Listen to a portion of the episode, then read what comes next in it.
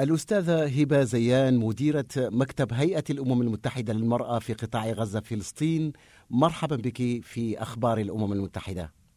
مرحبا بك أستاذ حافظ وشكرا على الاستضافة. نحن نتصل اليوم والعالم يحتفل باليوم العالمي للعمل الإنساني. وأنتم تقابلون هذه الذكرى بانتباه خاص لدور المرأة تحديدا في العمل الإنساني. حدثينا عن الفعالية التي تنظمونها بهذه المناسبة في قطاع غزة. نعم سوف يتم تنظيم فعالية في 19 أغسطس في قطاع غزة بعنوان آه، النساء في العمل الإنساني. وهذه الفعالية يتم تنفيذها من قبل الفريق القطري للعمل الإنساني وتحديدا من قبل مجموعة الدعم والمناصرة. وبمشاركة عدد من مؤسسات الأمم المتحدة بما فيها هيئة الأمم المتحدة للمرأة ومكتب تنسيق الشؤون الإنسانية وغيرها من المؤسسات وأيضا بشراكة عدد من مؤسسات المجتمع المدني والنساء الفاعلات في الميدان التي يشاركنا في تقديم العون الإنساني والدعم الإنساني بكافة الطرق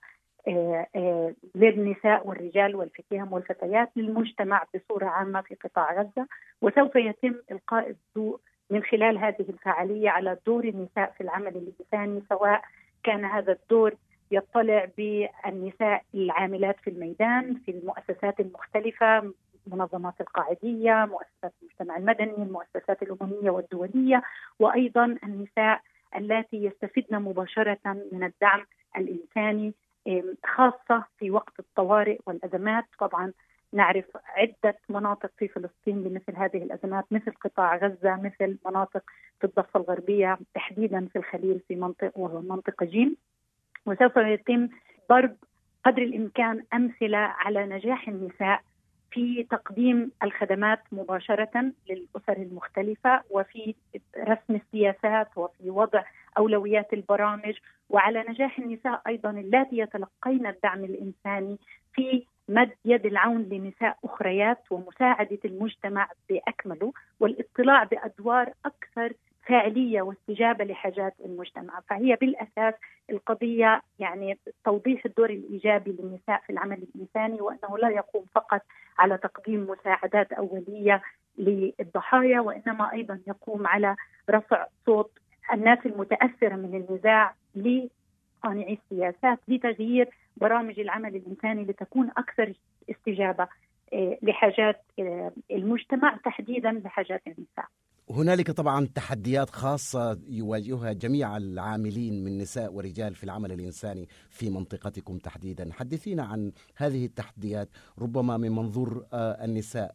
تحديدا. يعني صراحة من الضرورة بمكان أن يكون للنساء دور واضح لقرب النساء بشكل أساسي من كافة فئات المجتمع ولقرب النساء أيضا من النساء خاصة في وقت الأزمة ممن هجرنا أو فقدنا المنازل أو فقدنا الأحبة أو وضعوا في آه، ملاجئ تعرضوا أيضا لأزمات أثرت على وضعهم الصحي والنفسي والجسماني. وبالتالي نجد أنه العاملات في المؤسسات النسوية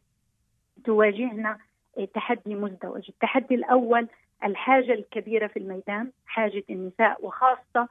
أنه في وقت الأزمة تطلع النساء بأدوار أكثر يعني بالعناية بالأطفال بالعناية بالأسرة تصبح المرأة كما هي دائما العمود الفقري لحماية الأسرة من الهشاشة ومن ديناميكيات الأزمة نعم. والتحدي الثاني هو محدودية المصادر أن المؤسسات النسوية بطبيعة تكوينها العملي وبطبيعة مناهج عملها إيه، لا تملك الكثير أيضا من المصادر لمساعدة الأسر مساعدة طارئة وعاجلة فوجود مثلا على سبيل المثال الدواء وجود المساعدات ترتبط بالمسكن وجود الغذاء إلى غير ذلك تجد إنه النساء العاملات في المجال الإنساني تجد أحيانا صعوبة في تزويد الخدمة. ولذلك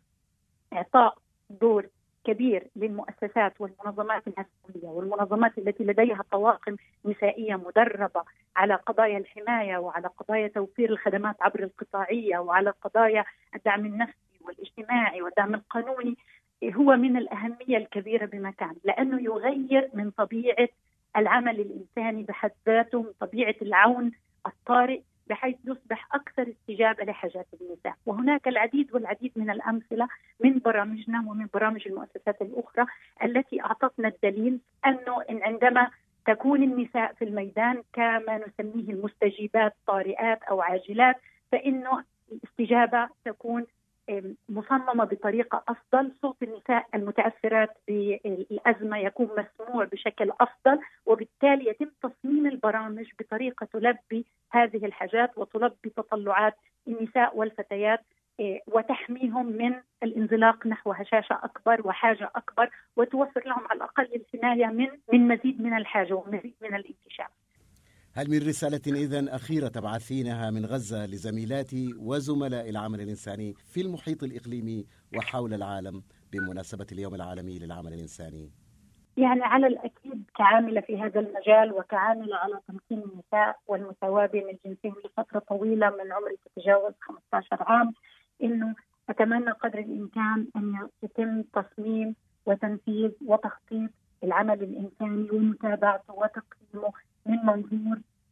النوع الاجتماعي من منظور يخدم ويحمي مصالح النساء والفتيات يعمل على تمكين النساء والفتيات وحمايتهن من العنف القائم على النوع الاجتماعي حمايتهن من التمييز ولكي يصبح العون الإنساني أكثر استجابة للحاجات النساء والفتيات. لابد أن يتم دمج منظور النوع الاجتماعي لابد أن يتم إشراك النساء والفتيات بشكل متساوي بشكل فاعل بشكل قائم على الكرامة الإنسانية بشكل قائم على مبدأ الفهم إنه لابد من إشراك الجنسين حتى يتم الاستجابة العادلة لحاجات الجنسين وحتى يصبح العون الإنساني ليس فقط حامي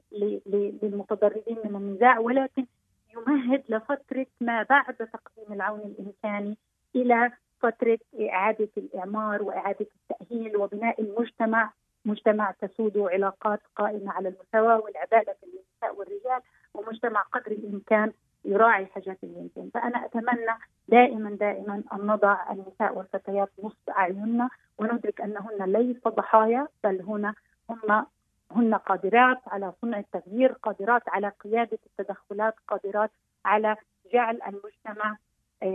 أكثر امنا وسلاما وحفظا لكرامتهن وحقوقهن الأساسية. الأستاذة هبة زيان شكرا لكل ما تقدمونه من خلال هيئة الأمم المتحدة للمرأة في قطاع غزة وشكرا لك. شكرا لك شكرا جدا.